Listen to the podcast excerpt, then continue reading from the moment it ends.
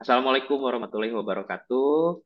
Waalaikumsalam selamat pagi, selamat siang, selamat sore, selamat malam bagi eh, teman-teman yang menyaksikan podcast ini. Eh, perkenalkan, saya Irfan, ada juga rekan saya. Halo, eh, perkenalkan saya Alia. Ya, eh, kami dari eh, DigiX yang eh, salah satu segmen yang dipro- yang diproduksi oleh eh, Kiwi, eh, Sistem Manajemen Kunjungan. Eh, ini adalah sesi Digitribe yang akan membahas tentang transformasi digital. Adapun judul dari podcast ini adalah eh, Bincang Transformasi Digital. Eh, akan lebih mengulik begitu ya, mengungkap em, pengalaman maupun hmm, proses penerapan transformasi digital di berbagai sektor.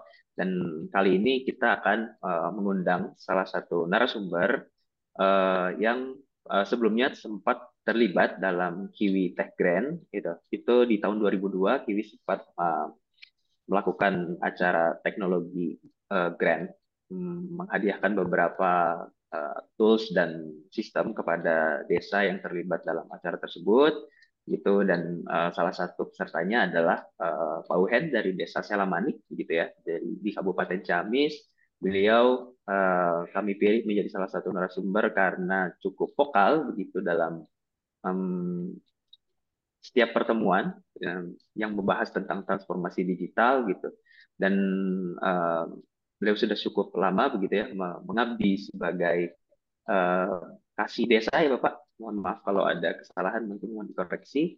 Eh, mungkin nggak mungkin nanti akan banyak ya insight yang menarik terkait transformasi digital dan penerapannya begitu ya di berbagai wilayah ataupun yang diterapkan di eh, Desa Selamanik oleh Pak Uhen dan rekan-rekan begitu ya lewat eh, podcast kita kali ini seperti itu. Nah, eh, untuk mempersingkat waktu, mungkin saya perkenalkan dulu begitu ya eh, Pak Uhen. Eh, silakan Pak Uhen bisa disebutkan terlebih dahulu namanya dan sekarang jabatannya sebagai apa di Desa Selamanik begitu. Silakan Pak Uhen. Baik, Assalamualaikum warahmatullahi wabarakatuh. Perkenalkan nama saya Wahen Suhendi. Saya menjabat Kasih Pemerintahan Desa Selamanik sejak eh, bekerja sejak tahun 2006 yang lalu. Wah, oke. Begitu. Eh, jadi nanti ini akan eh, namanya podcast ya. Jadi teman-teman hmm, bisa eh, menangkap bahwa obrolannya tidak akan terlalu jelimet serius gitu, akan mengalir aja. Kami mau mendengar begitu cerita dari Pak Uhen ya dari Desa Selamani terkait transformasi digital gitu. Dan karena saya orang Sunda dan Pak Uhen juga orang Sunda, Alia juga orang Sunda, kemungkinan besar nanti akan ada bahasa-bahasa Sunda yang terselip. Kami akan coba buatkan eh, subtitlesnya, penerjemahannya nanti ya untuk bahasa-bahasa yang eh, kurang dimengerti oleh teman-teman yang bukan berasal dari suku suku Sunda gitu. Nah, eh, oke, Gimana nih kabarnya Pak Uhen? Alhamdulillah, baik, baik, baik. Alhamdulillah. Gimana kabar Nah, kabarnya di Desa Selamanik? Masih kemarau atau Udah sudah mulai turun hujan. hujan? Hmm, akhir tahun nih Pak, biasanya udah mulai turun hujan.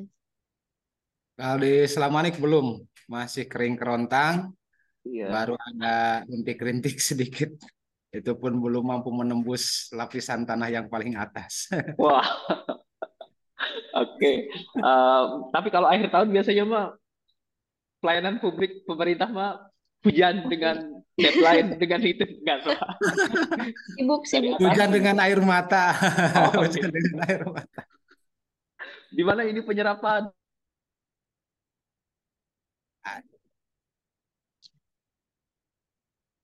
Ya, gimana nih Pak? Nah, Biasa eh,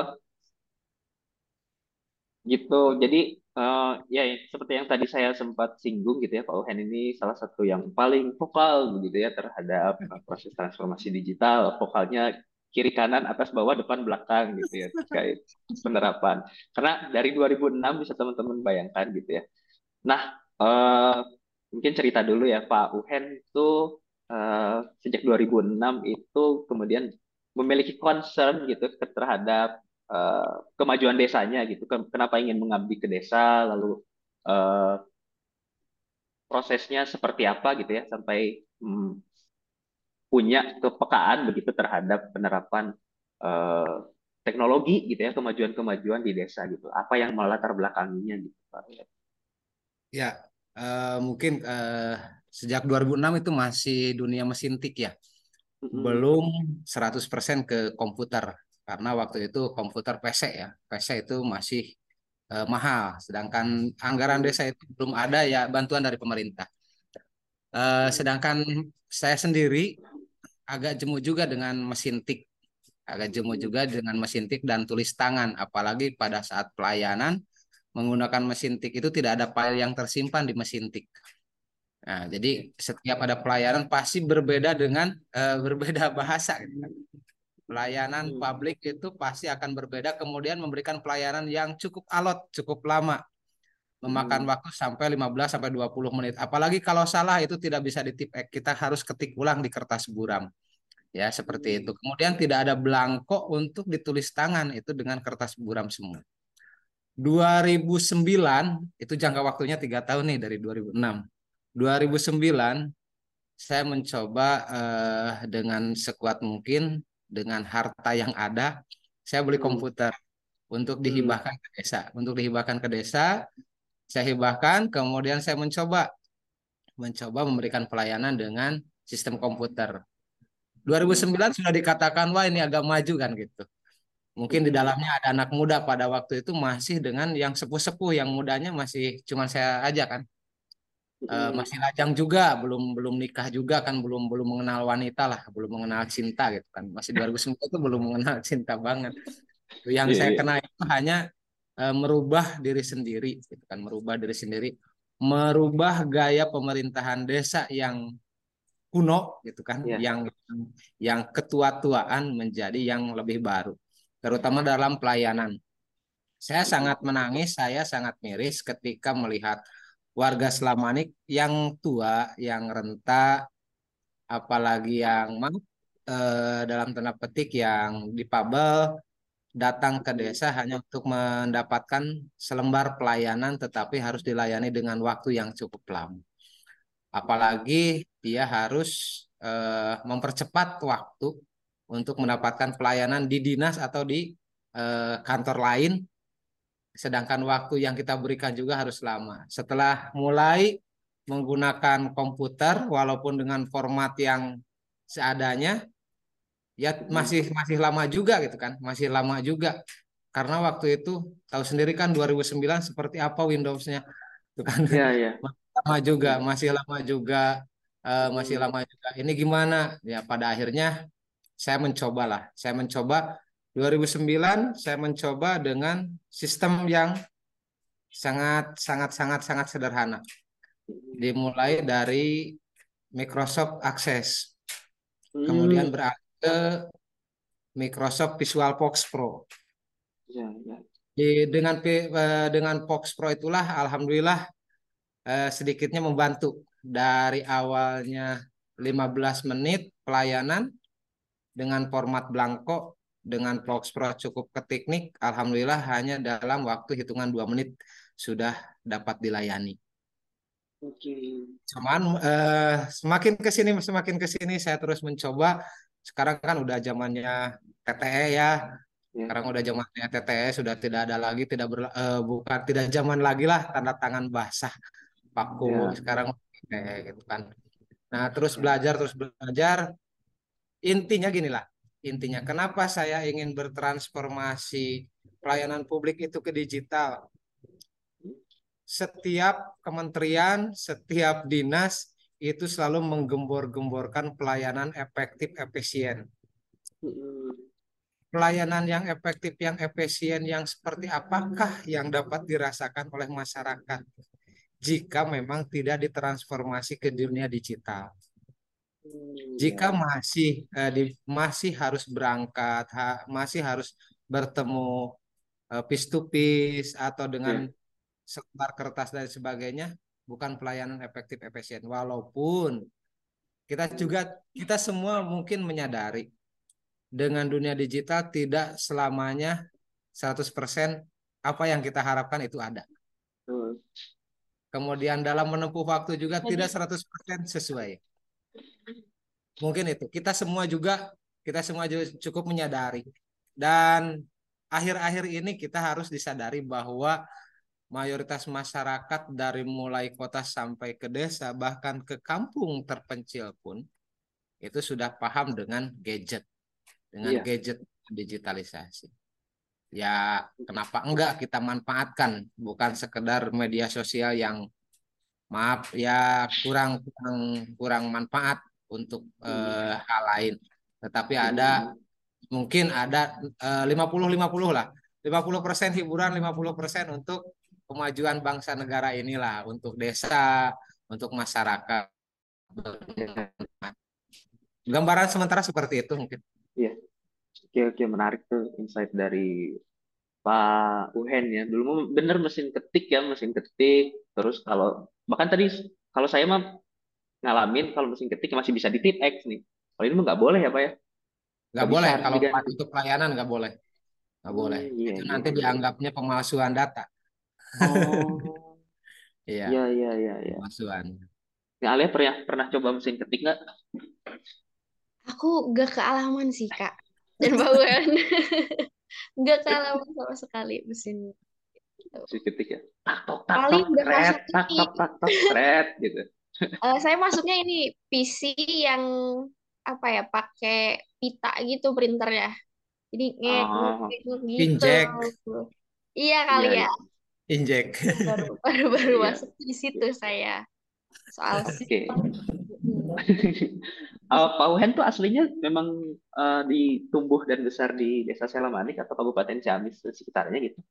Ya, eh, alhamdulillah kalau saya lahir dan tumbuh besar di Selamanik. Wah, Oke, Pak. Nah, cuman warlock. cuman eh, pernah lama di daerah Majalengka. Pernah lama Oh, di gitu. daerah Majalengka. Tepatnya di eh, Salagedang, Sukahaji. Suka aja. Bareng kakak di sana.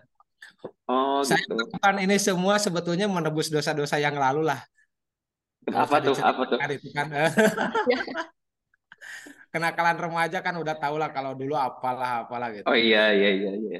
Saya, saya hanya ingin menebus itu dengan mudah-mudahan apa yang saya Hmm. punya, apa yang saya mampu hari ini bisa menebus kesalahan yang lalu gitu aja.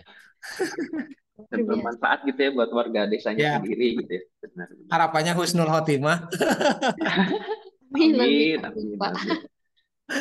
Kalau background pendidikan sendiri, Pak Uhen itu apa gitu? Sampai eh, saya pengen nebak gitu, mungkin ada IT-nya gitu, karena tadi punya concern gitu sama eh, teknologi gitu, barangkali Ya, ada kaitannya gitu.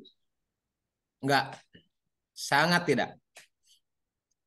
Saya ada. sebetulnya kembalilah ya kemba- kembali ya, kembali ke kenakalan remaja. Kembali ke kenakalan remaja, terus terang saya dapat beasiswanya sampai kuliah S1 ya. Karena kenakalan remaja itulah terjerumus ke kenakalan remaja, saya nggak sekolah. Waduh, Jadi saya disekolahkan itu sama kakak saya itu di Majalengka paket C ya, paket C, ah, iya, iya, iya. paket C. Eh, jadi buat siapa pun penonton atau pendengar, Hmm, jangan pernah apa ya, jangan pernah mengeluh dengan jenjang pendidikan. hmm, Kalau Anda mau, kalau Anda punya keinginan untuk membangun bangsa dan negara dengan apa pun bisa. hmm, Tidak hmm, perlu background pendidikan tinggi. Hmm, Ini Oke, buktinya. Ini saya se- sebat- sebatas memotivasi. Saya buktinya iya, iya. saya pendidikannya paket C setara SLTA waktu itu. Oke, Paket C setara SLTA. Kenapa saya masuk dunia digital, eh, bahkan Hmm, belajar-belajar coding walaupun otodidak dan kebetulan alhamdulillah kalau sekarang udah ada dukungan dari Diskominfo, udah ada ya, dukungan dari rekan di Majalengka juga. hmm, Jadi eh, sebetulnya hanya ingin merubah gaya-gaya lama dalam memberikan pelayanan, terutama dalam pelayanan. Kebetulan saya bekerjanya di desa, terutama dalam pelayanan. Yang tadi itu dalam rangka menjawab visi misi pelayanan efektif efisien dengan cara apa yang lebih mudah untuk masyarakat. Dan alhamdulillah dapat dibuktikan hari ini ya sudah tidak ada lagi warga yang datang ke desa, semua sudah pakai HP. Pelayanan iya, itu iya. melalui HP. Jadi udah kita kita layani dan pelayanannya udah di, bisa diunduh di WhatsApp masyarakat itu sendiri. Itu. Siap, siap. Jadi memang eh, tadi ya ketertarikan ke dunia digital itu memang karena keresahan atau suka nih Pak. Jadi gini, soalnya ada yang suka, ada yang suka misalnya dari main game atau ngulik Hmm. ini gimana ya bisa kayak gini. Jadi dia belajar baru ngoding gitu. Nah kalau Pak Uhen apakah kayak gitu atau memang dari tadi uh kesel gitu karena ada uh, pelayanannya repot kayak gini jadi terpaksa gitu untuk uh, belajar coding gitu. Gimana? Diawali dengan keresahan itu ya, Hmm. keresahan memberikan pelayanan. Ya, diawali dengan keresahan memberikan pelayanan.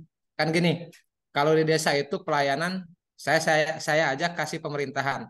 Di dalamnya Hmm. membidangi bidang kependudukan, administrasi kependudukan, termasuk hak hukum kependudukan itu sendiri. Kemudian di dalamnya tugas saya itu adalah bidang pertanahan, kemudian Hmm. bidang Trantibmas. Ketika saya harus melaksanakan tugas bidang Trantibmas, katakanlah ada kejadian, bencana atau apa pun. Kemudian ada masyarakat datang ke desa membutuhkan pelayanan administrasi kependudukan. Saya harus lari dari dari luar desa ke kantor. Kemudian dari kantor harus lari lagi ke lapangan dan sebagainya. Saya berpikir keresahan-keresahan itu yang membuat saya eh, gimana caranya saya mampu melaksanakan 8 tugas bidang dari satu kasih, tetapi seluruhnya dapat terlayani dengan baik per detik karena peristiwa kependudukan, peristiwa desa itu bukan hitungan jam atau hitungan hari, tapi hitungannya hitungan detik. Hmm, iya, iya, iya. Hitungannya hitungan detik. Katakanlah ini eh, kejadian pelayanan kependudukan, peristiwa kependudukan lahir mati per detik. Kemudian di saat yang bersamaan saya harus melayani kejadian kebencanaan, Hmm. bencana sosial atau bencana kesehatan atau bencana alam lainnya. Ya. Itu harus terlayani dengan baik juga. Kalau bencana alam tidak mungkin dengan digital ya. Cuman Ya, kalau ya. info- kalau informasi Informasinya. in- informasinya bisa dengan digital. Informasinya dengan digital. Makanya di sana ada fitur eh, laporan, pengaduan, Hmm. ya, laporan ya, dan ya. sebagainya. Eh, ya mempermudah sih, mempercepat juga, mempercepat juga dibandingkan yang harus maaf ke call salah satu penyedia call center Hmm. itu harus to- ketik tombol A, ketik tombol B, Ya, ketik iya, iya, iya. dan sebagainya. Akhirnya mati juga kan yang harus segera dapat pertolongan tapi akhirnya karena lama untuk call-nya jadi ya tidak terselamatkan. Nah, itulah yang, yang dibutuhkan yang dibutuhkan kita itu di desa itu yang seperti itu. Karena iya, desa iya. itu desa itu adalah negara ketujuh di negara kesatuan Republik Indonesia. Wah, Negara Pak paling maksudnya? akhir. Negara Oh, paling penyelenggara negara yang bersentuhan langsung dengan masyarakat. Oh iya, Kita iya, tanya iya. aja Pak Menteri, Menteri apa pun, tahu nggak masyarakatnya seperti apa? Tidak tahu, yang tahu itu adalah perangkat desa. Dan yang paling hmm, akhir adalah Pak RT-nya gitu kan. Pak Iya, RT. iya. Nah, jadi hubungannya ya paling tercepat itu seperti itu, yang paling tercepat. Jadi Hmm, diawali dengan keresahan-keresahan dalam dalam membeli- memberikan pelayanan publik dari pemerintah desa itu aja. Yang yang saya alami itu yang saya alami itu. Kalau ke sini ke sininya kenapa sampai masuk dunia coding? Diawali dengan keresahan kemudian menggali nih. Menggali biasa comot-comot dulu nih. Hmm, comot-comot dulu, dulu dari sistem orang. Hmm. kebetulan waktu itu ada eh, Fox Pro yang Brazil tuh ya ada yang dari BPKP kita Hmm. pelajari di sana kemudian saya belajar sama Pak Eko Pandang sama Bu Haji Nani belajar tentang Fox Pro ya akhirnya dikasih ilmu lah. Ya. Alhamdulillah belajar belajar Alhamdulillah bisa sampai bisa menyediakan pelayanan publik berbasis Fox Pro offline offline belum online itu offline. Offline tapi bisa diakses oleh rekan satu kantor gitu. Tapi Oh masih ya. bisa oleh rekan satu kantor. Kalau dari masyarakat pihak HP nggak ada. Waktu itu masih apa ya belum HP-nya juga belum WhatsApp Iya, apa iya. BlackBerry, BlackBerry. Nah, yang BB BB itu kan nggak nyambung Hmm. juga kalau kita mah gitu.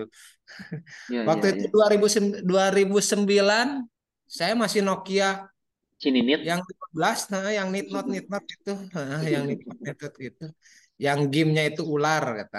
Iya, iya. Kita pelajari kenapa Hmm. ular bisa di tombol-tombol bisa gerak sendiri. Ya. Kita pelajari, alhamdulillah ketemu juga gitu kan. Wah, Alhamdulillah ketemu juga. iya, iya, iya, iya. iya. Padahal bahasanya pakai pakai visual basic. Oh, gitu, betul, betul, betul. Iya. Wah, menarik ya. Uh, Aku mungkin ini ya, penasaran. Pak. So, oh ya, Alia, enggak. Ya, Eh, ini kan eh, keren ya, maksudnya dari eh, 2006 sampai akhirnya sekarang punya sistem gitu ya di WhatsApp.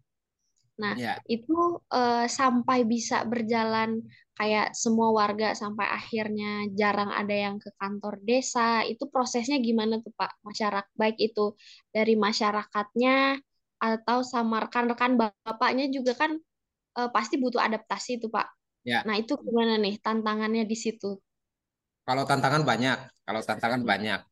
Eh, eh, dari mulai tantangan pengadaan anggaran, dari Hmm. pengadaan anggaran juga kita alhamdulillah, tapi eh, pada akhirnya eh, sadarnya itu setelah empat tahun.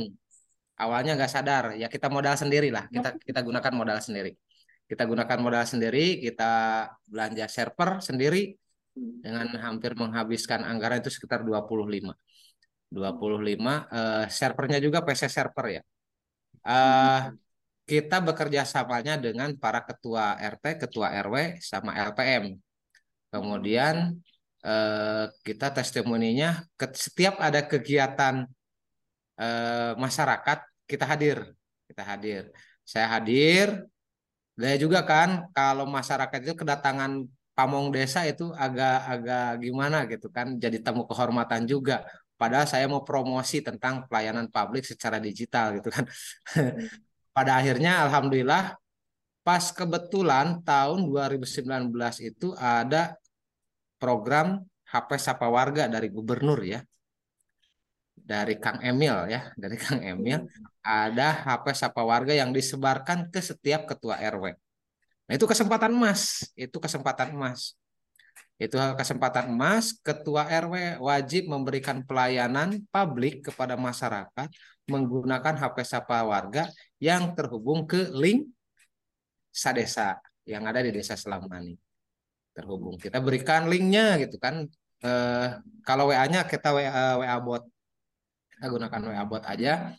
Silakan lepas begitu. Alhamdulillah 2019 berjalan, 2019 berjalan, ketemulah sama saya kalau sekarang sekarang jadi kabit ya, sekarang jadi kabit. Ketemu sama Kang Henry dari Diskominfo. Eh, ya ketemu ketemu ketemu kita ngobrol-ngobrol-ngobrol, akhirnya ada pengembangan juga. Alhamdulillah berkat dukungan. Kalau tantangannya gini Teh Alia, kalau tantangannya ada yang mengatakan eh, jadi hilang silaturahmi piece to.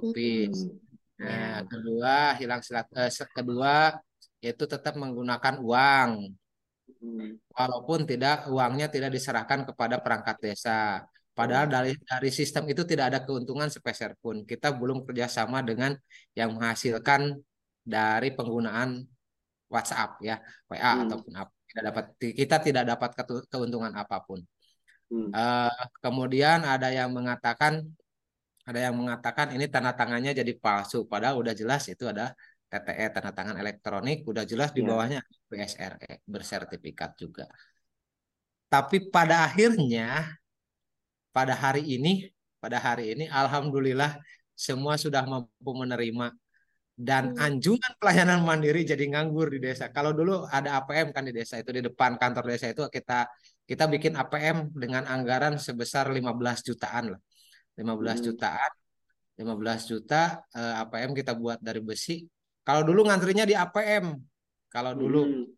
kalau dulu ngantrinya di APM di anjungan pelayanan mandiri. Soalnya ke teknik kebutuhan apa pun tinggal klik tombol yang dibutuhkan langsung print outnya keluar dari bawah seperti ngambil uang aja udah pulang semuanya kalau sudah itu ke Keren, langsung keren, pulang keren, langsung pulang kalau sekarang di, di rumahnya gitu kalau sekarang ngantrinya di rumah Sebenarnya di rumah masing-masing ya Pak ya. ya Semuanya bisa dari rumah.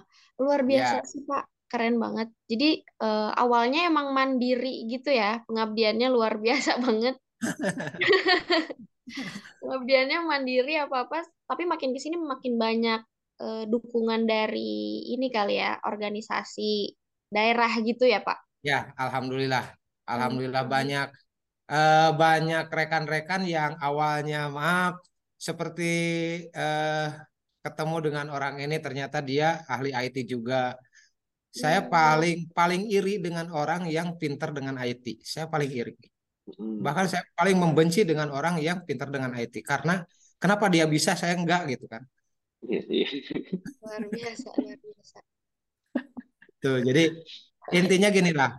Ya ketika kita memang benar-benar katakanlah dal- dalam tanda petik bekerja di salah satu perusahaan atau salah satu tempat kerja, kalau di otak kita, di pikiran kita adalah sekedar bekerja, itu tidak akan mungkin berhasil, terutama buat diri kita.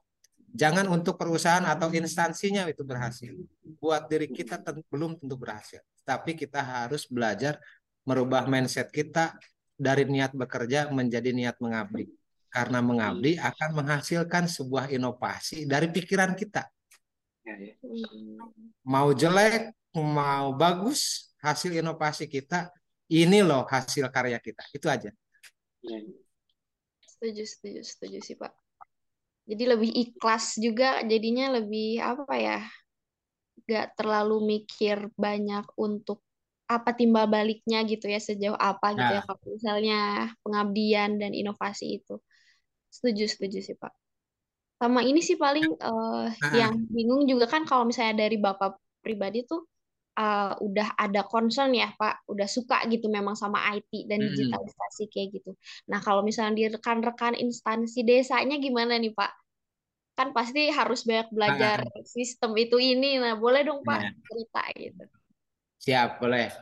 Kalau dari rekan desa yang lain, kalau kalau boleh har- eh, harus berkata nih, harus dibilang, eh, Kabupaten Ciamis ada 258 desa dan semuanya kembali ke Selamanik, bertumbuh ke Selamanik untuk masalah itu.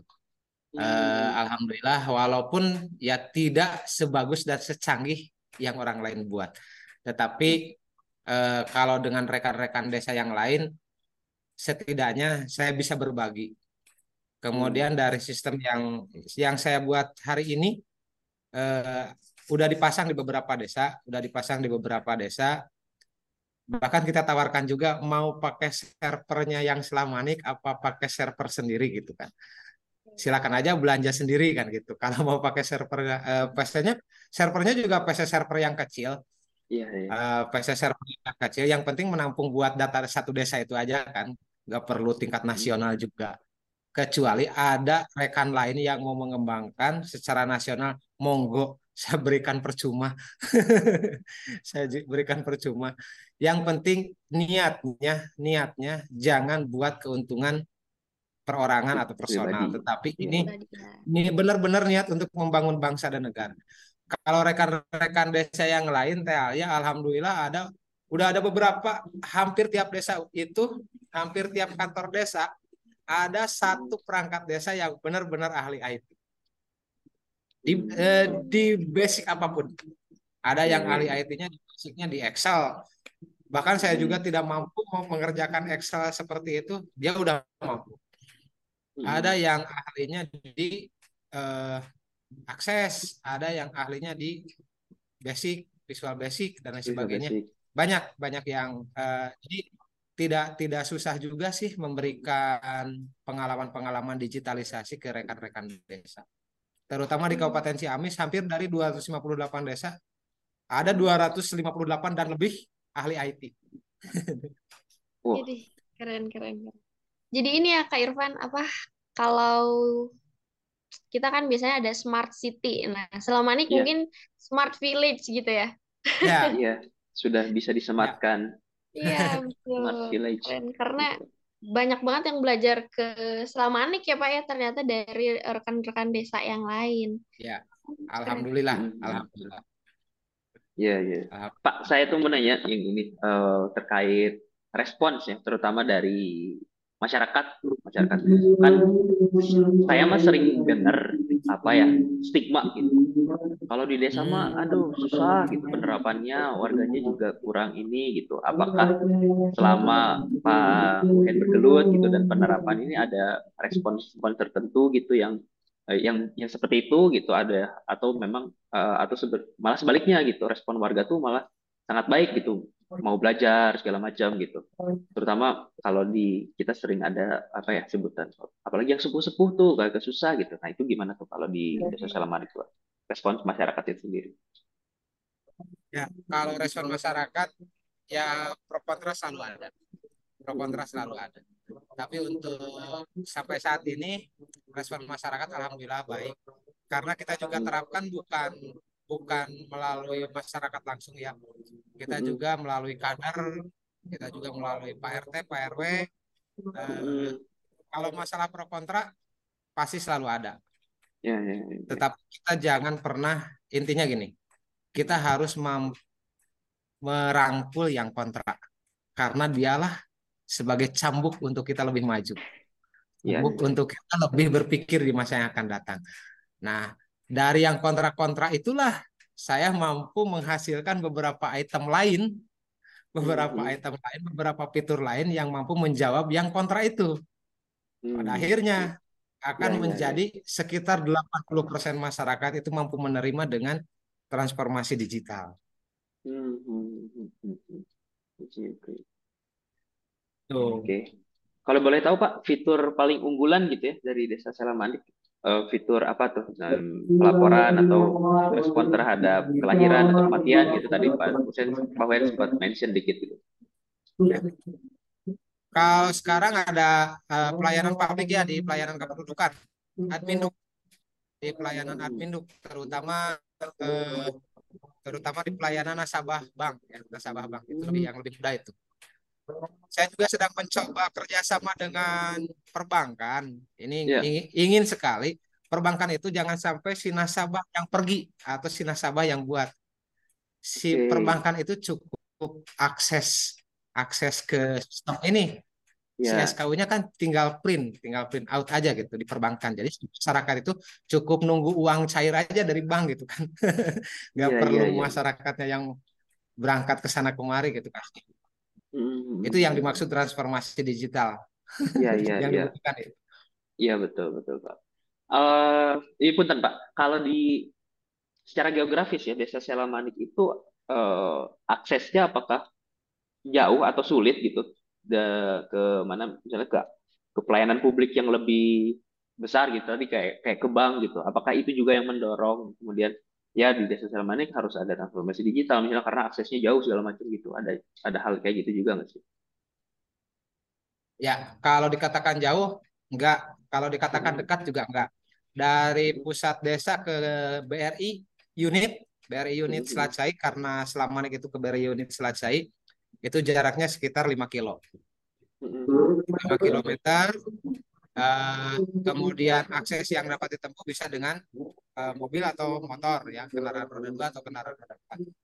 Kendaraan umum banyak karena kita juga dilintasi jalur nasional, jalan Iya, nasional 3, jalan nasional 3.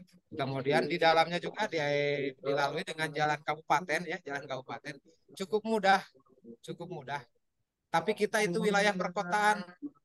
Kemudian Oke. kita juga mas- masuk di eh, IDM-nya Desa Mandiri. Oh iya iya iya. Bisa mandiri ya. ya, Kenapa ya. nggak bisa transformasi digital kalau Desa Mandiri kemudian di wilayah perkotaan gitu. Hmm, hmm, hmm, Kita harus lebih maju, kita harus kita harus lebih melangkah. Yang harus kita pikirkan adalah kemudahan, Hmm, hmm, bukan ingin kita itu eh, dijadikan desa yang menjadi pionir ataupun desa yang lebih unggul, bukan. Tetapi yang harus kita pikirkan adalah kemudahan yang dapat dirasakan oleh masyarakat. Iya. Kalau dulu saya saya suka tuh dengan nawacita ya, negara wajib hadir di tengah-tengah masyarakat. Bukan berarti kita yang harus berdampingan langsung dengan masyarakat orang per orang. Hmm. Tetapi setiap kebutuhan masyarakat kita harus mampu melayani dengan baik. Transformasi digital lah yang mampu menjawab semua itu. Oke. Saya rasa mungkin seperti saya rasa mungkin seperti dengan sekecil apa atau eh, sesederhana apa pun digital itu, tetapi yang pun yang penting mampu menjawab segala kebutuhan masyarakat. Hmm, hmm. Oke, oke. Iya. Em, ini mungkin saya mau tanya di setelah penerapan ini gitu ya, Pak. Eh, Ya. secara internal nih di tim di di desa Pak rekan-rekan di desanya ya di desa Selamandiknya gitu. Uh, ya. Apakah ada apa namanya? Apakah ada kemudahan, efisiensi, kemudian dari segi kinerja gitu rekan-rekan Pak Uhen di desa Selamandik? Kalau kemudahan ada, terutama untuk bidang pelaporan karena sudah kita kita sudah tidak lagi membuka buku agenda dan sebagainya karena ya, nomor betul, agenda betul, itu otomatis ya. Kita tinggal ya, print ya. out aja butuh bulan berapa dan sebagainya. Tetapi ya, SDM SDM ada sebagian yang mendukung, ada yang tidak mendukung kualitas SDM-nya. Maaf kan, okay. Kang, walaupun pendidik, maaf, maaf, maaf, maaf sekali, maaf sekali buat semuanya. Setinggi apa pun pendidikan tidak ditunjang dengan kualitas SDM yang baik dan dengan pikiran dan hati yang ikhlas, belum tentu mampu menjawab semua tantangan dunia ini. Oke. Ya, ya, ya. Nah, cuman kalau misalnya ini Pak eh, tim-tim dari Desa Selmanik khususnya. Dengan transformasi digital itu kayak apa ya? Lebih banyak yang ternyata antusiasme belajar kah gitu karena merasa ini suatu kemudahan atau justru sebaliknya Pak? Merasa kenapa jadi harus belajar lagi gitu kan? Pasti ada pro kontra ya pak ya gitu kan? Nah ya. Nah itu gimana sih pak Alhamdulillah kalau dari rekan satu kantor semuanya sudah belajar dan sekarang alhamdulillah sudah sudah lancar lah sudah lancar jadi eh, lebih banyak para kasih yang lain itu lebih banyak bekerja ke lapangan lebih banyak bertemu dengan masyarakat karena pelayanan dari dari mereka itu udah dilayani dengan digital itu sendiri. Digital itu sendiri. Karena di Desa Selamanik juga ada operator, ada staff dari masing-masing kasih juga punya staff. Jadi yang ngapain nungguin komputer, nungguin laptop di balik meja kalau masyarakat tidak tersentuh. Akhirnya termasuk Pak Kunya juga, Pak Kepala Desa juga lebih banyak bekerja bersama masyarakat. Iya. Kegiatannya lebih banyak di lapangan karena tanda tangannya juga udah tanda tangan elektronik. Pak Kuat hmm. tinggal klik HP aja kan. Tinggal klik di HP udah di tanda tangan selesai gitu kan. Keren, keren. Kalau ini kan udah apa ya kalau misalnya yang dari cerita Pak Uhen sendiri sih kalau aku lihatnya ini ya udah cukup terdigitalisasi end to end gitu ya. Sampai saat ini gitu ya udah ternotis belum sih Pak dengan uh, apa ya desa-desa lain juga banyak yang berkunjung dan belajar mungkin ya ke desa Selmani. Ternotis nggak sih Pak sama uh, instansi atau uh, pemerintahan yang di atas sih gitu? Jadi ada bantuan BIMTEK dan lain sebagainya ke Selmani hmm. gimana?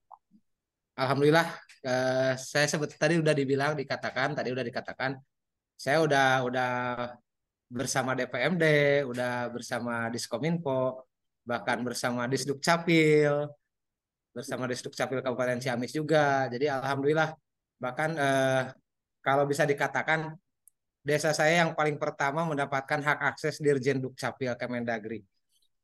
Eh, kalau sekarang ada regulasi baru, jadi diputus dulu karena ada regulasi yang baru diputus dulu. Nanti menunggu regulasi eh, perbaikan regulasi di masa yang akan datang itu aja.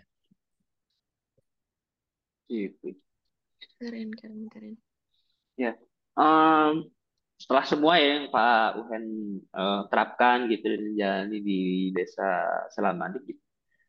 Masih ada nggak sih rasa uh, apa ya, ya rasa ada yang kurang begitu perlu perlu ada ini dan itu gitu terkait uh, transformasi digital gitu masih ada apa ya rasa penasaran gitu uh, baik secara teknis maupun secara gambaran garis besar gitu ya dalam penerapan transformasi digital di desa ini khususnya gitu Kira-kira apa tuh keresahan lagi gitu? Sangat, sangat, sangat, sangat, sangat, sangat kurang. Banyak, iya. banyak yang kurang. Karena eh, transformasi digital yang saya buat hari ini, yang diterapkan hmm. sampai hari ini, hanya dalam rangka pelayanan publik dan informasi publik serta pengaduan saja. Oke. Hanya sebatas itu. Artinya hanya mampu melayani eh, tayangan dan dalam bentuk kertas ya, dalam bentuk kertas administrasi administrasi pelayanan hanya sampai sejauh. Padahal banyak beberapa kegiatan di desa yang harus ditransformasi digital seperti kegiatan-kegiatan penyelenggaraan pertanian ya. Seperti kegiatan-kegiatan seperti itu. Taruhlah kita buat drone yang kita uh, yang kita operasikan dari kantor desa atau dari sekretariat Karang Taruna atau dari mana yang kita yang kita operasikan dari dari kantor tetapi dia sudah mampu bekerja. Sudah mampu bekerja. Bukan berarti kita mau menghilangkan para pelaku petani. Tetapi ya. kita menjakan petani dengan digital ini kita manjakan petani petani cukup mengambil hasilnya aja jangan terlalu capek harus memupuk harus menyiram kita siramnya dengan digital kita operasikan ya. nah itu yang saya butuhkan karena eh, mau tidak mau banyak desa-desa wilayahnya itu wilayah pertanian. Dan saya yakin mayoritas mayoritas penduduknya adalah penghas berpenghasilan dari pertanian. Ya, Kenapa ya, kita ya. harus capek? Karena dari bertani itu tidak begitu nanam menghasilkan uang, tetapi prosesnya sangat lama. Betul. Semisal ya, ya. kita tanam singkong, singkong hmm. yang paling cepat dipanen itu dalam kurun waktu 8 bulan. Si Pak Tani, si Ibu Tani selama 8 bulan dia makan apa? Dia menghasilkan apa? Hmm. Dia harus capek terus bertani, bertani, bertani, bertani untuk menghasilkan uang. Kenapa kita tidak fasilitasi dengan digitalisasi? Hmm. Iya, iya, iya. Jadi digitalisasinya nggak cuma pelayanan publik ya Pak inginnya. Iya, hmm. ya. Yang saya butuhkan ya, yang sangat berkurang, yang sangat kurang. Yang saya butuhkan hal-hal seperti itu. Digitalisasi itu seperti itu bukan sekedar di HP, bukan sekedar di komputer, bukan sekedar di laptop. HP kita pegang pergi ke kebun untuk mengoperasikan pipa menyemprotkan airnya. HP kita bawa ke kebun untuk mengoperasikan drone untuk menabur iya. pupuk atau iya. menabur benihnya. Iya, Itu sih banyak sekali yang kurang. Kalau yang saya rasa, kalau manusia mungkin selalu banyak kurangnya. Tapi yang Eh, terkait dengan transformasi digital di masyarakat. Mungkin itulah kekurangan-kekurangan yang saya rasakan. Kalau dari pelayanan-pelayanan masih banyak yang kurang juga eh, terkait dengan kecepatan tanggapnya. Oke. Okay. Tanggap dari eh, responsif ya, responsifnya kurang. Itu aja. Responsifnya kurang. Jadi masih saya pikirkan gimana caranya. Terus siapa yang mampu mengajari saya untuk lebih ke apa yang saya harapkan saat ini. Hmm. Untuk responnya itu sendiri, uh, yang dimaksud tuh respon masyarakatnya kah atau uh, sistemnya itu sendiri, Pak? Gimana? Sistemnya, sistemnya. Hmm. Jadi seperti gini, seperti gini. Uh, ketika si masyarakat mengajukan salah satu pelayanan surat, katakanlah SKU, SKU. Jadi pas masuk datang ke KURTU umum itu notifnya gak, gak bunyi ataupun kadang-kadang lambat kadang-kadang lambat sekitar sekian per sekian detik lambat jadi pas begitu si kaur umum entry nomor nomor agenda itu juga ya katakanlah udah berapa detik ke belakang gitu datang suratnya itu mungkin eh, di jaringan ataupun apalah nggak tahu juga kemudian pada saat dari kaur umum untuk ditandatangan ke kepala desa itu belum muncul suara seperti ada WA masuk ya belum ada uh, apa, gitu. Ya? voice nah belum ada hmm. voice note-nya seperti itu ke di HP-nya jadi kadang-kadang paku di atas motor nggak buka HP ya nggak ditanda tangan gitu. Itu banyak kelemahan kelemahannya juga sih. Jadi catatan juga ya untuk mungkin semua apa ya semua aktor yang mau bertransformasi digital gitu ya. Keren-keren sih Pak sejauh ini. Um, tadi berarti Pak yang ini saya ke teknis ya, uh, yang pelaporan itu sekarang pakai WhatsApp bot gitu ya untuk uh, apa responsnya maupun uh, outputnya si surat-surat administrasi tadi gitu. Ya, kalau untuk pengajuan uh, kalau surat surat penyurat pelayanan surat menyurat Eh, terutama pelayanan publik, iya pakai WA bot, pakai WA bot yang eh, datang ke WA botnya itu PDF ya. Kalau untuk pelaporan, eh, pelaporan ke dinas-dinas itu menggunakan fitur dari surat keluar. Jadi hmm, kita hmm. harus unduh kemudian upload ulang, upload ulang dari agenda itu sendiri, agenda itu sendiri. Uh, tadi hmm, saya sempat uh, tadi Pak Wen sempat nyebut terkait Karang Taruna gitu ya. Berarti ini Ya. uh, kaitannya dengan uh, kelompok pemuda gitu. Nah, gimana sih Pak antusiasme pemuda di sana gitu terkait uh, transformasi digital gitu ya? Uh, karena sekarang ya digitalisasi erat kaitannya dengan anak muda, uh, tapi bagaimana kemudian mengintegrasikannya dengan proses uh, pengembangan desa gitu? Gimana gimana kira-kira tuh di sana? Uh, Alhamdulillah Karang Taruna Desa Selamanik kalau untuk mendukung transformasi digital sangat mendukung. Bahkan saya juga sekarang eh, didukung sama rekan-rekan dari Karang Taruna yang lulusan SMK. Kita lagi ngoding proyek yang baru, kita lagi ngoding proyek yang baru. Eh, Alhamdulillah didukung. Tetapi yang itulah kalau masalah Karang Taruna ke masalah dunia pertanian dan sebagainya milenial-milenial belum ya, belum sampai sesuai dengan apa yang kami harapkan dari pemerintahan desa. Dari pemerintah desa belum, belum, belum sesuai, belum maksimal. Justru menjadi salah arti ketika menjadi taruna tani, karang taruna lah atau pemuda lah yang turun ke kebun, ke sawah, pegang cangkul. Bagus sih, sangat bagus. Bagus juga kalau buat konten bagus. Kalau buat konten bagus. Tetapi yang saya harapkan mereka itu mampu mendobrak, mendorong tentang produksi pertanian sampai dengan penjualan, pemasaran hmm. dari hasil produksi pertanian itu sendiri. Kalau sekarang di, di websitenya kita juga udah kita pasarkan di lapak desa, lapak desa kita hmm. pasarkan MKM dan sebagainya. Dan akhirnya, alhamdulillah Karang Taruna juga mendukung. Bahkan mereka sekarang bergerak juga di Dewi, di desa wisata di Dewi Selamani, bergerak di desa wisata mengupload dan sebagainya, memasarkan, memasarkan. Kalau transformasi digital di Karang Taruna mungkin bergeraknya seperti itu. Kita dapat dukungan juga, alhamdulillah. Oh menarik itu Pak, lapak lapak desa tuh jadi eh, produk-produk unggulan gitu, produk-produk dari desa Selamaniknya ditaruh di situ, lalu orang-orang bisa langsung akses gitu beli gitu kayak ya. Tokopedia kayak gitu, kayak ya. Shopee gitu. Ya. Oh, Jadi si di di lapak desa itu kita pasarkan, kita upload gambar, foto ataupun produk-produk masyarakat di Seselamani. Kita upload, kemudian e, dicantumkan juga nomor nomor ya penjual. Bukan nomor saya, bukan nomor perangkat desa, bukan nomor oh, langsung. desa. Langsung, tapi e, langsung ya, langsung ke penjualnya. Apakah ya, ya, dia ya, ya. pengelola, apakah pemilik pabrik ataupun dia sebagai pemilik jasa rias pengantin ataupun apa pun lah.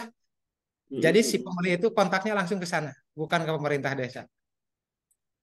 Oh, gitu-gitu ya. Ini saya sambil ya. buka nih uh, halaman lapak desanya. Ada pepaya ya, terus ya. dodol, dodol terong, ada hmm. jualan liwat juga. Iya benar-benar ya. seru, seru. Iya, iya. Itu ada wis apa? layanan wisatanya juga gitu ya. Ya tour guide, narasumber, snack welcome drink gitu. Kebetulan saya juga lagi bisnis ini Pak. Jadi, nanti bisa kalau mau ke desa Banik Pak. Boleh, boleh. ini di luar di luar ini ya. Out of topic gitu. Ini saya lagi highlight aja seru banget ini lapak lapak desa. Nah idenya ini terakhir ya saya deh. Lah, ya. idenya kenapa tuh Pak bikin lapak desa ini gitu? Uh, awalnya apa terus uh, gimana?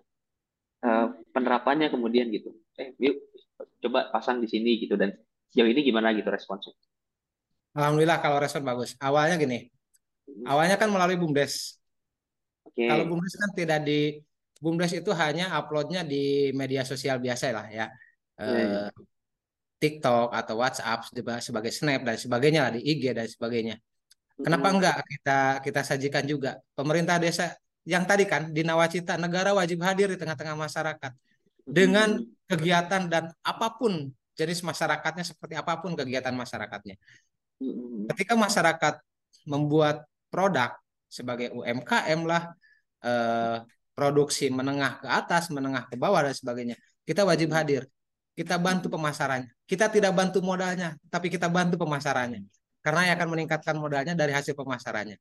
Kita pasarkan, dengan melalui websitenya kita pasarkan, kemudian kita komunikasi dengan para pengusaha, para UMKM. Itu belum semua, itu belum semua yang masuk ke sana, belum semua. Belum semua karena mereka ingin menampilkan foto yang terbaik katanya kan gitu. Ya, foto ya, yang ya. terbaik sebagainya. Tetapi ya eh, kita ikuti keinginan masyarakat, kita ikuti, kita pasarkan dan alhamdulillah kemarin udah ada laporan, udah ada yang jasa tata riasnya udah awalnya ya katakanlah masih bersaing dengan yang lain, tapi sekarang karena tampil di sana udah banyak yang ke sana juga gitu. Hmm. Kemudian sirup honje kebetulan kan kalau di sana yang yang iklannya artis juga ya, yang iklannya artis juga dari hasil pameran. Jadi alhamdulillah sekarang udah rame tuh sirup honje. Ya, iya, Sirup iya. honje. Sirup honje. Honje itu dalam bahasa Indonesianya apa ya? Oh, aduh lupa. Suka disam suka disambal Bali tuh. Ah lupa. Ya, honje mah tahu bahasa Ya, Sunda. honje, honje, honje. Nggak Iya, bisa iya. dirubah namanya honje tetap. Punja dari Iya, sana benar. ya. Iya, iya, iya. buat iya. para pendengar yang lain, buat para penonton yang lain bisa di search lah di Google honje itu apa. Iya, iya, betul. Setuju. Tapi Pak, untuk ke apa ya pemasaran nih program misalnya eh, Selamanik nih punya lapak desa gitu. Siapa yang mau cari kebutuhannya di lapak desa itu sosialisasinya gimana sih Pak ke masyarakat gitu? Kalau sosialisasi di saya cukup gampang ya. Kalau sosialisasi untuk di Selamanik itu cukup gampang. Sangat-sangat gampang. Kita punya kader sebagai Hmm. kepanjang tanganan, terutama kepanjang tanganan saya, eh, Pak RT, Pak RW, juga mereka selalu ngeh, selalu ngeh dengan apa yang terbaru dari pemerintah desa. Iya. Selalu ngeh. Sebetulnya saya punya WhatsApp grup, grup tokoh masyarakat, termasuk grup masyarakatnya juga itu ada. Jadi kita cukup mudah. Kita buat pamflet aja, kita sebarkan. Kemudian nanti ada ada panggilan, Pak pingin belajar di RT 1, kita datang, kita ajarkan. Itu sangat mudah, sangat mudah sekali. Kemudian bagi, eh, bagi masyarakat, maaf-maaf, tidak semua masyarakat yang paham dengan gadget, tidak paham dengan digital. Yang kita godok itu Pak RT, Pak RW, sama kader. Yang kita godok itu itu. Jadi si masyarakat itu cukup bilang aja sama Pak RT, Pak RT mau bikin SKU, nanti Pak RT yang bikin dari HP-nya. Kita yang memberikan pelayanannya gitu. Seperti itu sangat mudah kalau di Selamanik. Keren-keren benar-benar dimanfaatin ya semua teknologi gitu ya di Selamanik ini. Eh, mungkin ini Ya. kali ya Pak. Eh, kan udah perjalanannya cukup panjang nih ya sampai sekarang nggak hanya pelayanan publik, eh, UMKM-nya juga turut dibantu untuk digitalisasi gitu ya Pak di Selamanik dan eh, desa lain juga banyak yang belajar ke Selamanik. Biar nggak hanya desa eh, daerah Cianjur aja nih yang bisa belajar gitu ya ke eh, Desa Salamanik. Mungkin pendengar dan penonton yang lainnya juga mau tahu juga nih kira-kira strategi awal terus kiat-kiatnya gitu ya, eh, modal yang harus dipersiapkan supaya desanya juga turut terdigitalisasi gitu. Apa aja sih Pak strateginya gitu? Strategi awalnya niat ya, awalnya niat. Awalnya niat membangun bangsa. Yang kedua mampu mengharfiahkan dari kata-kata pelayanan efektif efisien. Bukan hanya sekedar narasi. Pelayanan efektif efisien bukan hanya sekedar narasi. Harus dibuktikan dengan sebuah inovasi. Siapa yang mampu membuat inovasi itu adalah kita penyelenggara. Penyelenggara pelayanan publik, pelaksana pelayanan publik. Kita. Jika Anda maaf, jika Anda kebetulan sebagai perangkat desa yang belum mampu melaksanakan digitalisasi transformasi digitalisasi itu, Anda bisa bekerja dengan bekerja sama dengan pihak lain. Yang terpenting mengarti katakan, mengartikulasikan dari kata pelayanan efektif efisien itu benar-benar bisa terwujud. Di sini kami kebetulan ada Kiwi mampu melaksanakan atau menyelenggarakan kegiatan-kegiatan pelayanan efektif efisien secara transformasi digital. Kalaupun de tidak dengan kita, silakan. Yang penting niat yang paling utama, niat dengan ikhlas adalah mengabdikan diri untuk bangsa dan negara. Pelayanan efektif efisien dengan digitalisasi merupakan sebuah jawaban dari pelayanan publik terhadap masyarakat.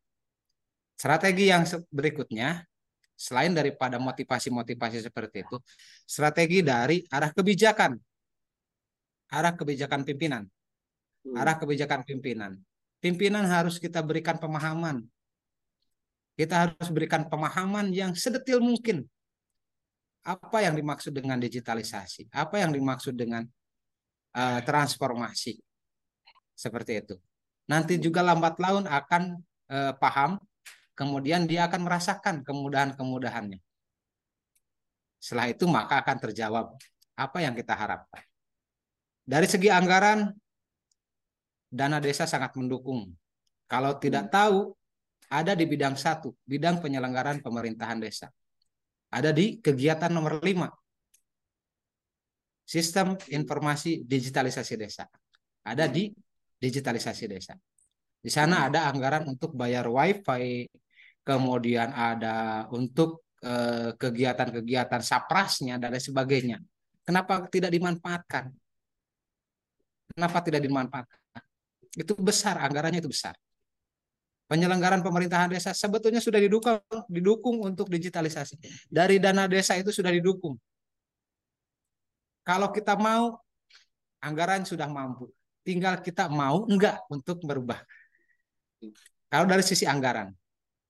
Kalau masalah belajar, kalau masalah belajar mau otodidak dan sebagainya bisa. Kalau mau via telepon dan sebagainya, siapa pun banyak ahli IT di Indonesia ini banyak. Tinggal mau nggak negara ini memanfaatkan para ahli IT untuk membangun bangsa dan negara ini. Mungkin strategi-strategi seperti itulah. Yang paling pertama itu adalah niat membangun bangsa dan negaranya. Niatnya aja dulu. Niat nggak? Setuju, setuju Pak. Niat ya yang utama. Karena fasilitas sudah cukup terfasilitasi sebenarnya ya untuk transformasi sangat, digital. Sangat. Kita cari informasinya aja gitu ya Pak ya. Ya. Setuju, setuju banget. Keren banget nih buat uh, insight mungkin pendengar di sini juga mau gak kalah keren sama Desa Selamanik yang udah uh, bertransformasi digital gitu ya Kak Irfan ya? Ya. Boleh banget yang tadi tuh jadi catatan untuk kita semua seperti itu Kak. Mungkin dari Kak Irfan karena udah ada di penghujung acara ada mau ditanyain lagi nggak nih Kak? Masih kepo-kepo. Hmm, udah sih saya dapat banyak insight pencerahan gitu bahwa Pak Uhen dari 2006 udah ngulik Fox Pro tadi saya juga saya, saya juga nggak nggak bisa tuh uh, Fox Pro terus uh, tadi saya paling uh, terkagum-kagum sama tadi lapak desa uh, ternyata sudah ada di websitenya ya, um, ya. kalau pendengar atau pemirsa pengen lihat itu ada di selamanik.desa.id ya Pak betul ya Pak Ya, ya betul. Ya, itu ada uh, berbagai macam menu dan salah satunya adalah Pak Desa. Teman-teman bisa uh, apa mengakses um, ya. produk-produk dari warga desa Selamanik gitu. Ada ada liwetan, ada buah-buahan, ada makanan, ada apa bahkan ini hmm, apa jasa guide ya di desa ya. wisata Selamanik gitu. Menarik gitu. Ya. Uh, dari saya cukup sih Al ya. Uh, sudah banyak banget insight terkait transformasi digital dari Pak Uhen. Pertama, makasih banyak Pak Uhen sudah menyempatkan waktunya berbagi sama kita dengan teman-teman Digitribe gitu ya. Uh, kalau dari Alia masih ada? Aku juga udah cukup banyak banget nih insight-nya Kak uh, dari aku pribadi khususnya untuk proses transformasi digital gitu ya di desa-desa. Ini banyak banget uh, insight yang baru aku tahu gitu ya ternyata uh, bagaimana pemerintah juga udah memprovide gitu ya uh, desa untuk bisa bertransformasi digital gitu tinggal sejauh apa kemauan kita dan apa ya rasa ingin membangun negeri kalau kata Pak Uhen gitu ya jangan melulu soal pikirnya kerja kerja gitu tapi gimana pengabdian kita manfaat apa yang bisa dikasih gitu dari uh, upaya kita uh, untuk uh, transformasi digital ini gitu kurang lebihnya. Keren-keren sekali uh, dari Desa Selamanik ini. Mungkin pendengar semua uh, juga pastinya banyak banget dapat insight.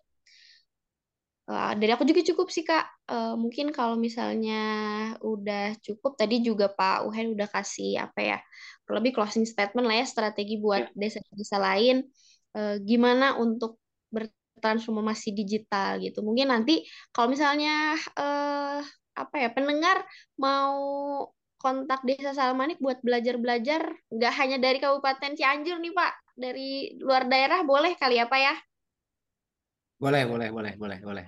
Bisa. Boleh banget, boleh banget. Hmm, terbuka juga nih Desa Salmanik untuk uh, desa-desa lain yang mau belajar, yang mau apa ya banyak-banyak studi banding gitu supaya desanya Ya. lebih bertransformasi digital gitu. Kalau misalnya ini juga mungkin hari Jumat juga ya Pak Uhen ya, mau siap-siap Iya, Jumatan, betul. mau siap-siap. Jumatan. Kita mengucapkan banyak terima kasih banyak nih Pak Uhen udah mau sharing-sharing Sama-sama. teman-teman Ya, terima kasih. Live. Ya. Terima kasih banyak, sukses terus. Semoga tadi harapan-harapannya Amin. untuk eh, transformasi digital di Desa Salamanik bisa segera tercapai gitu ya Pak ya. Makin keren untuk Desa. Salamanik Amin, amin. selalu. Eh, pokoknya eh, nanti jangan lupa juga akan ada podcast selanjutnya yang jelas Mm-mm. akan membahas mengenai transformasi digital ya Kak Irfan ya Ya, betul. Supaya ada cerita dari desa-desa lain gitu ya, dari pelaku pelaku lapangan Hmm. lain gitu terkait transformasi digital. Betul. Transformasi digital. Nggak hanya desa-desa aja sih kan, nanti kita akan bicara di industri lain juga nggak menutup kemungkinan Ya. Transformasi digital di industri lain. Kemudian juga gimana realitanya, tren digitalnya seperti apa gitu. Mungkin Pak Uhen juga nanti sama teman-teman desa lainnya eh, boleh eh, pantengin terus nih podcast Siap. dari Digitribe gitu ya supaya tahu gitu tren-tren digitalnya seperti apa Iya, gitu. siap. Oke, eh, kalau gitu kita cukupkan aja untuk eh, sesi podcast hari ini ya Kak Irfan ya dan juga Pak Ya. Uhe. Terima kasih banyak. Jangan lupa eh, supaya nggak ketinggalan mengenai eh, informasi transformasi digital eh, dan juga tren-tren digital ke depannya. Eh, follow kita ada di eh, beberapa platform digital yang bisa diikuti. Ada eh, websitenya di djx.id atau ada di Instagram di eh, djx eh, by Kiwi. Ya. Gitu. Oh. Terima kasih banyak sekali lagi. Selamat hari Jumat. Sehat selalu untuk Pak Uhen Amin. dan Amin. Pak Irfan.